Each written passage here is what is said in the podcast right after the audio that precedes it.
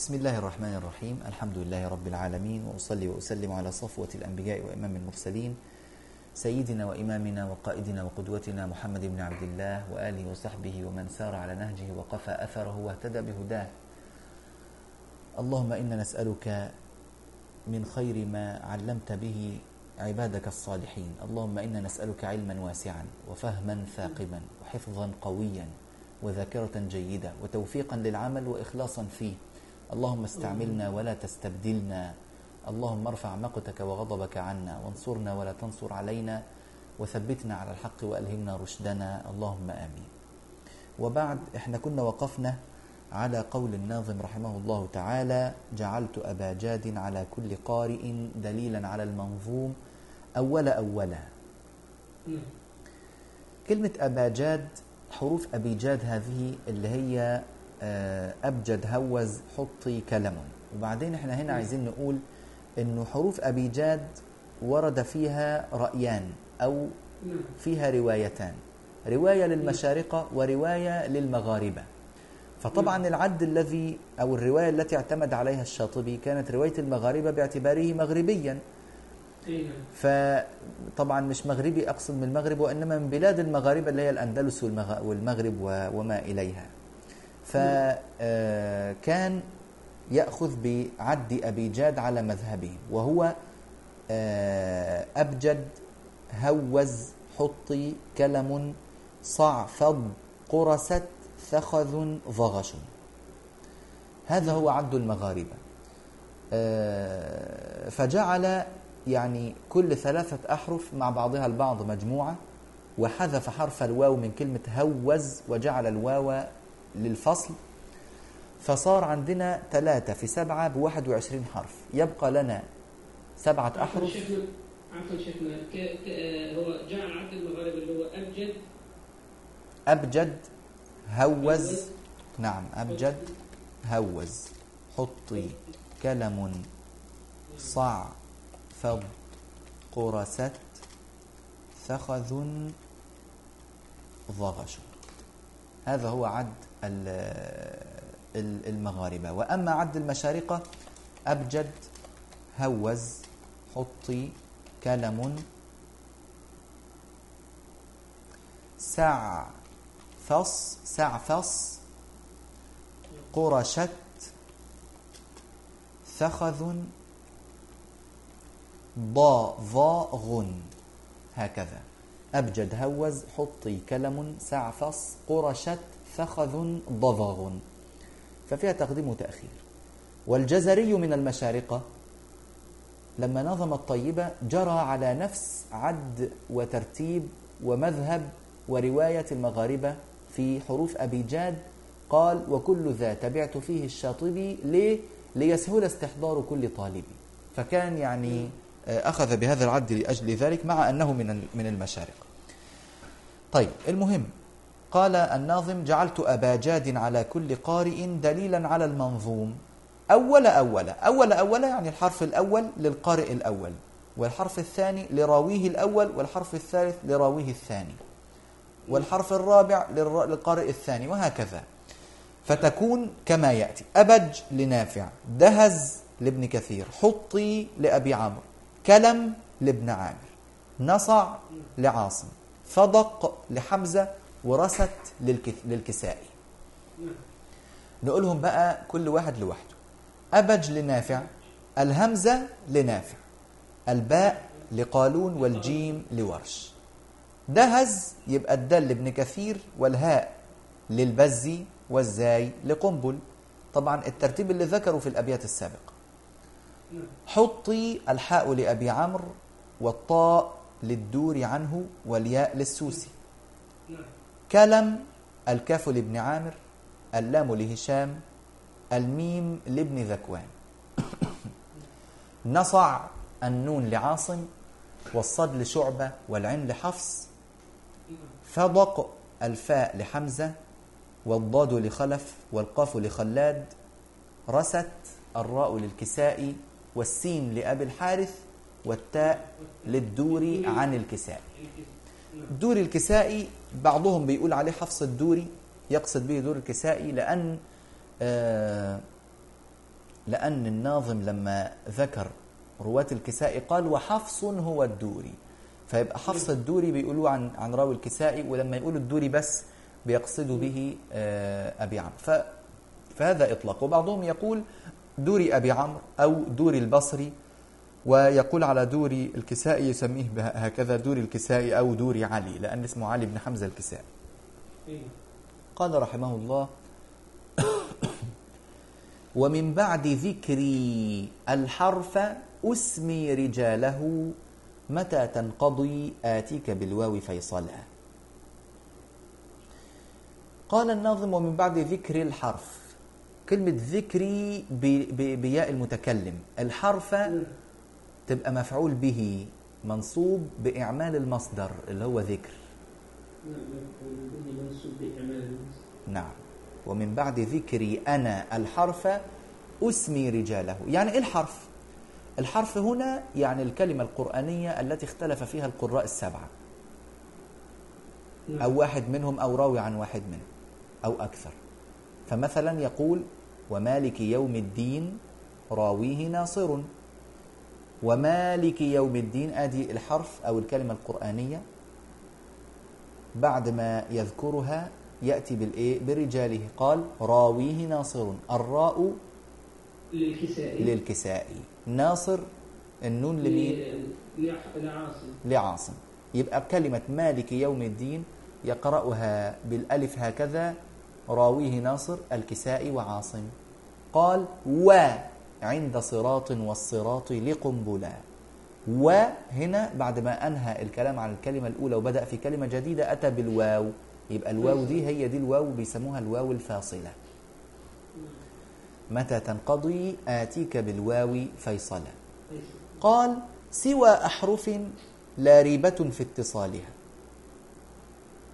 كلمة سوى أحرف لا ريبة في اتصالها هنا بيقول إنه أنا لابد أن آتيك بالواو الفاصلة بعد الح... بعد الكلمة المنقضية حتى أفصل بينها وبين الكلمة الجديدة. نعم. إلا مواضع لا تحتاج إلى هذه الواو لشدة وضوحها وعدم الشك أبدا إنها كلمة جديدة. وهذا يضرب له أمثلة كثيرة. فمن ذلك قوله ورا برق افتح آمنا ورا برق يعني الراء من كلمة برق في قوله تعالى فإذا برق البصر.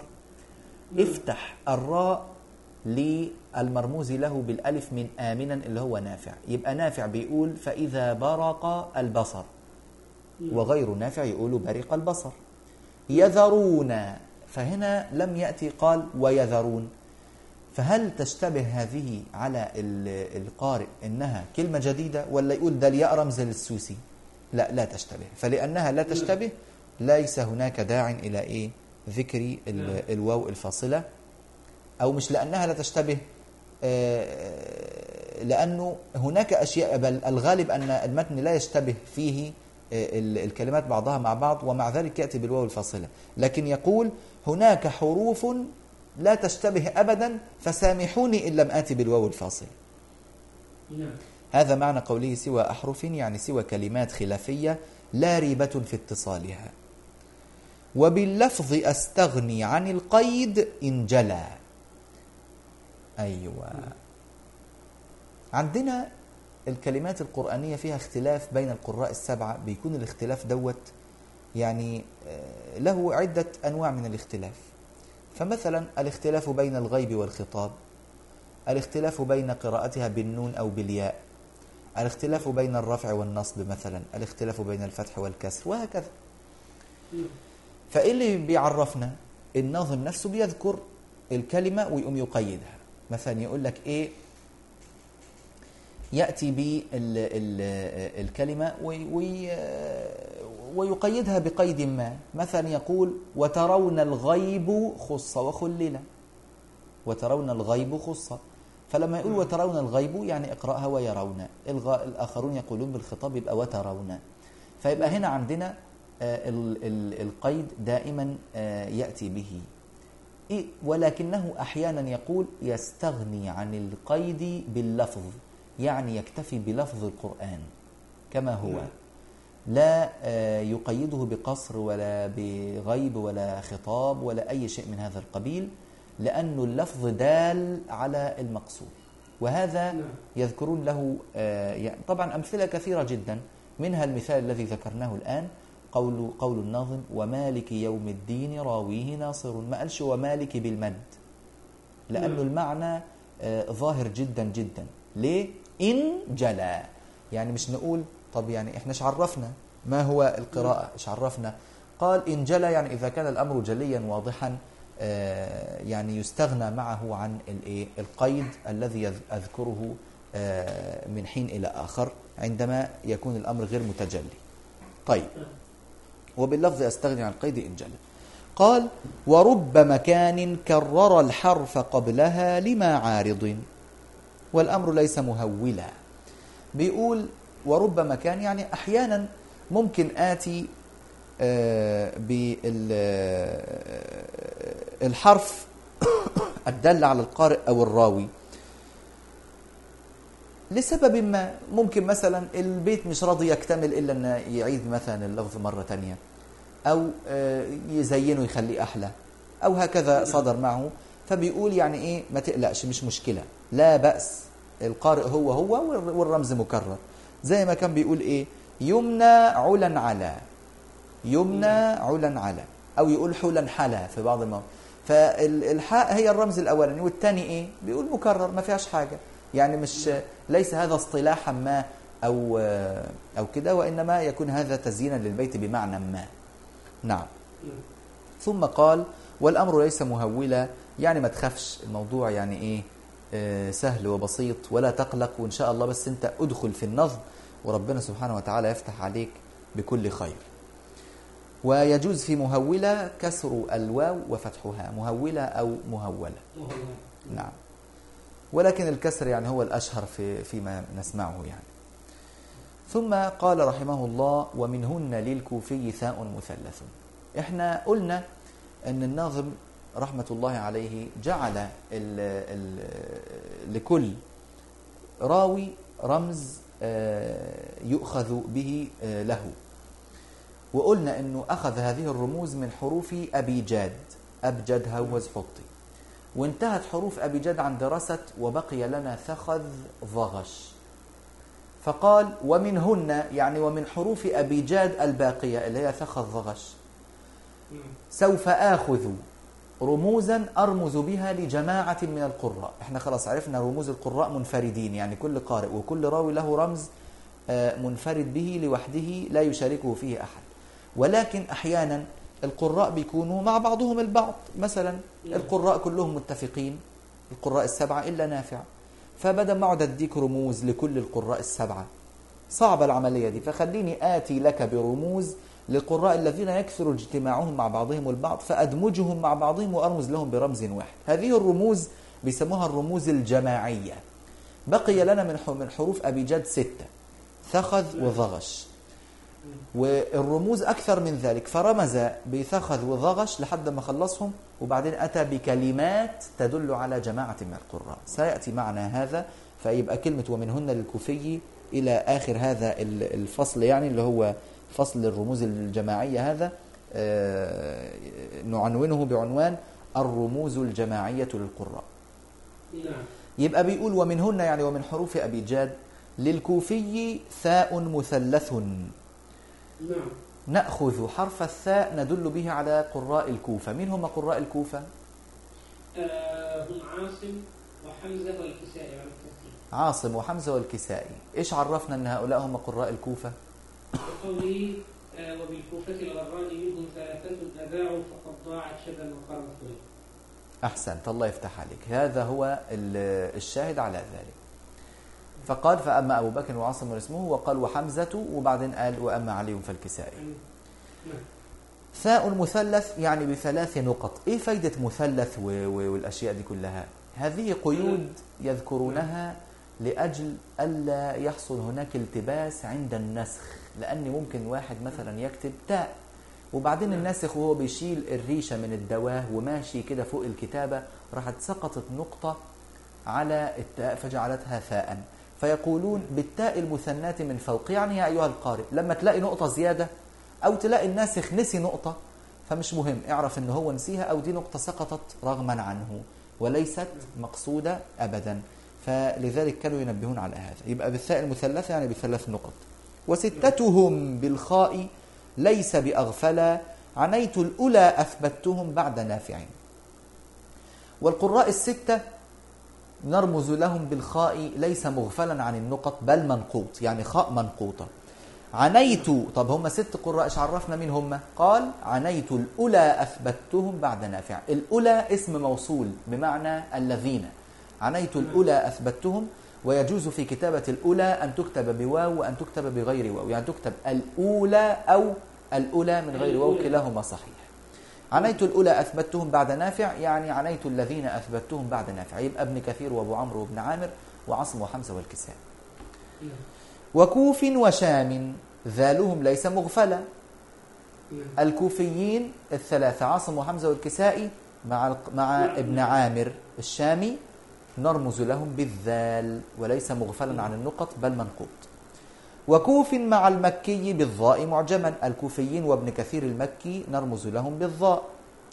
وكوف وبصر غينهم ليس مهملا. الكوفيين وأبو عمرو نرمز لهم بالغين ليس مهملا عن النقط بل منقوط. وذو النقط شين للكساء وحمزة. وذو النقط شين للكساء وحمزة يعني أن حمزة والكساء معا ويسميان الأخوان. الأخوين يرمز لهما بالشين المنقطة. نعم مثل قوله شمللا. أحسن الله إليك. وذو النقط شين للكساء وحمزة. وقل فيهما اللي هم مين؟ آه، قل في الكساء وحمزة. أيوة يبقى حمزة والكساء معا. مع شعبة صحبة. يبقى حمزة والكساء وشعبة صحبة. نعم. نعم. صحاب هما مع حفصهم. طب هم وهم وحفص يبقوا إيه؟ يبقوا صحاب. ماشي؟ صحاب هما مع حفصهم. صحاب حمزة والكساء مع حفص. اسمهم صحاب. فصلة عفوا عفوا ممكن لا نقرأ الآن ولا؟ نعم طيب. متجهز الآن طيب دقيقة واحدة. إذا صحاب هما مع حفصهم. يبقى آه، هنا ينتهي الإيه؟ المعنى. فنضع كده هنا فاصلة. ثم نقول عم نافع وشام ونحط فاصلة تانية. يبقى عم نافع وشام. عم رمز يرمز به لنافع والشامي اللي هو ابن عامر يبقى نافع وابن عامر رمزهم عم. نعم. سما في نافع وفتى العلا ومك فصلة. نعم. يبقى سما اللي هم أهل السماء أهل السماء نعم. الثلاثة اللي فوق يعني نافع. وابن كثير وأبو عمرو هؤلاء رمزهم سما الثلاثة اللي نعم. فوق طب الباقيين يبقوا أهل الإيه يا شيخنا؟ يبقى أيوه ضبط عليك وشام سما في نا... طيب يبقى سما في نافع وفتى العلا ومكن وحق فيه وابن العلاء قل فصلة يبقى وحق فيه فيه مين؟ في المكي. وابن العلاء. نعم يبقى ابن كثير وأبو عمرو حق. نعم. وقل فيهما اللي هم ابن كثير وأبو عمرو واليحصبي اللي هو ابن عامر نفر حلا. يبقى نفر ابن كثير وأبو عمرو وابن عامر. وحرمي يعني أهل الحرم المكي والمدني. وحرمي المكي فيه ونافع. نعم يبقى نافع وابن وابن كثير يرمز لهما بالرمز حرمي وحصن عن الكوف ونافعهم على. حصن يضم الكوفيين ونافع معا. يبقى نافع وعاصم وحمزة والكسائي رمزهم حصن. هذه هي الرموز المجتمعة. ستة منها رموز حرفية جماعية والباقي كلمي جماعي. ماشي؟ نعم كأن فيه يعني توافق بين ما اختاره من الرموز رحمة الله عليه وبين حتى يعني طبيعة هؤلاء يعني مما كنت أحيانا كنت أحفظ هذه الأبيات في البداية لاحظت مثلا نافع والشامي نعم. آه، كلاهما كبار في السن فتناسبهم كلمة عم. الله أكبر. نعم. أليس كذلك؟ بلى. وكأن نعم وكأن ال- المكي وابن العلاء يعني آه، حينما يقرؤون يتخذون فهو حق. فإذا أتى نافع قراءة أهل المدينة سنة فكأنه حق سمع الله. فيعلو يعلو الحق إلى السماء. ما شاء الله. نعم ما شاء فهكذا كنت أحفظها يعني. ما شاء الله. أشار إلى مثل هذه المعاني آه، علم الدين. السخاوي لا يا ربي. الفاسي في شرحه على الشاطبية. أشار إلى مثل هذه المعاني. ويعني آه، أتى فيها بشيء آه، كويس ما شاء الله يعني. سبحان الله. ففعلا الإمام الشاطبي قصد يعني بعض هذه المعاني آه، باختياره لهذه الحروف آه، باختياره لهذه الكلمات وفعلا يعني أبدع في هذه الدلالة. فعلا هذا أمر عجيب منه ويدل على ذكاء شديد رحمه الله ورضي عنه. قال رحمه الله ومهما أتت من قبل أو بعد كلمة فكن عند شرطي واقض بالواو فيصلا.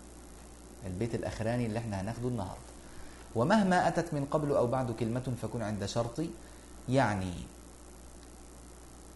الرمز الحرفي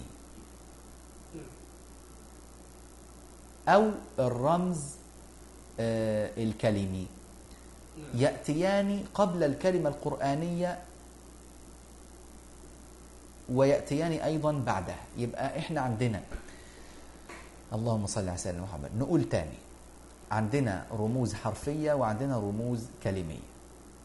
الرمز الحرفي يأتي دائما بعد الكلمة القرآنية إذا انفرد إنما لو أتى معه رمز كلمي إيه اللي يحصل؟ جاز أن يأتي قبل الكلمة القرآنية وجاز أن يأتي بعد الكلمة القرآنية زي إيه؟ زي يعني قول الناظم الرمز ال- الكلمي طبعا بيكون جماعي الرمز الكلمي يأتي قبل ال- الكلمة القرآنية أو بعدها ما فيش مشكلة. إنما الرمز الحرفي لو انفرد لا يأتي إلا بعد الكلمة القرآنية. يأتي دائما بعدها إذا انفرد. أيوة. طيب إذا كان عندنا رمز حرفي مع رمز كلمي أخذ حكم الكلمي. يأتي قبل ويأتي بعد كله صحيح. نعم. ومهما أتت من قبل أو بعد كلمة فكن عند شرطي. فكن عند شرطي. واقض بالواو فيصلا. واعتبر الواو أيضا واوا فاصلة بعد أن آتي بالحكم. والله تعالى أعلم. إن شاء الله الدرس الجاي هيكون عن الأضداد وهو باب مهم جدا جدا ويعني آه، أساس وعمدة وعمود كبير في فهم هذا آه، المتن إن شاء الله تعالى. ويعني هو العمدة في فهم الفرش. وبل وفي فهم كثير من الأصول أيضا إن شاء الله. نسأل الله سبحانه وتعالى أن ييسر لنا ولكم ويفتح علينا وإياكم ويتقبل منا ومنكم وصلى الله على نبينا محمد وآله وصحبه أجمعين.